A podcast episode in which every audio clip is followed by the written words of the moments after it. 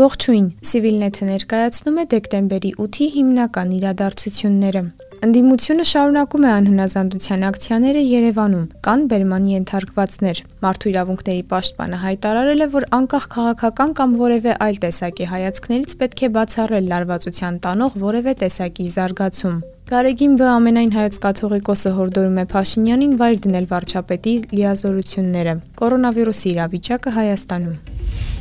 Հայ հեղափոխական դաշնակցության Գերագույն մարմնի ներկայացուցիչ Իշխան Սաղաթելյանը կեսօրին կոչ արեց սկսել խաղաղ անհնազանդության ակցիաներ։ Ինչպես տեսնում եք, Նիկոլ Փաշինյանը հրաժարական չի ներկայացրել։ Հետևաբար այս պահից սկսած մինչև 17:00-ն քաղաքացիները ունեն լեգիտիմ իրավունք իրենց խաղաղ անհնազանդության ակցիաները եւ գործողությունները անելու, իրենց բողոքը, իրենց պահանջը տեղ հասցնելու համար, հայտարարեց Սաղաթելյանը։ Նա իրավապահ համակարգին հորդորեց չկատարել Նիկոլ Փաշինյանի իր խոսքով ապօրինի հրահանգներ տարիներն ու ուշ չկիրառել ժողովրդի նկատմամբ։ Դեկտեմբերի 5-ին Երևանի Ազատության հրապարակում 16 կուսակցությունների հանրահավաքը պահանջ էր ներկայացրել Նիկոլ Փաշինյանին հրաժարական տալ մինչև դեկտեմբերի 8-ի կեսօրը։ Դեկտեմբերի 5-ին Երևանի Ազատության հրապարակում 16 կուսակցությունների հանրահավաքը պահանջ էր ներկայացրել Նիկոլ Փաշինյանին հրաժարական տալ մինչև դեկտեմբերի 8-ի կեսօրը։ Անդիմության հայտարարած հանրահավաքին ընթരാճ ոստիկանությունը հայտարարություն է տարածել, որում օրինահարգության եւ համակեցության կանոնների պահպանման կոչ է անում։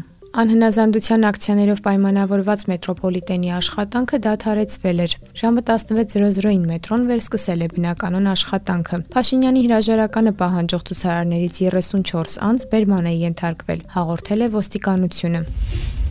Մարդու իրավունքների պաշտպան Արման Թաթոյանը հայտարարություն է տարածել։ Մեր երկրի համար պատասխանատու այս օրերին բոլորիս առավել քան անհրաժեշտ է համախմբվածություն եւ համերաշխություն։ Պետական մարմիններից յուրաքանչյուրն իր իրավասությանը համապատասխան պարտավոր է սեփական գործողություններում ու երկրում երաշխավորել իրավունքի գերակայությունը, ապահովել մարդու իրավունքների բարձր պաշտպանությունը, հայտարարել է Թաթոյանը։ Ամենայն հայոց Գարեգին Բ. Կաթողիկոսը եւ Մեծիտան Արամ Ա. Կաթողիկոսը հանդես են եկել կոչերով վարչապետ Նիկոլ Փաշինյանին հորդորելով հրաժարական տալ։ Գարեգին Բ. Նիկոլ Փաշինյանին հայրաբար հորդորում է հանձնառություն ստանձնել եւ վայր դնել վարչապետի լիազորությունները, կանխելու համար հասարակական կյանքում ցնցումները, նաեւ հնարավոր բախումներն ու ողբերգական հետևանքները։ Կաթողիկոսը նաեւ կոչ է արել ազգային ժողովին հայրենիքի համար այս վճռորոշ պահին գործել ամենայն պատասխանատվությամբ, ականջալուր լինել հանրության լայն շրջանակների կողմից հնչող պահանջներին եւ քաղաքական ուժերի հետ համախորհուրդ ընտրել նոր վարչապետ ու ձևավորել ազգային համաձայնության ժամանակավոր կառավարություն։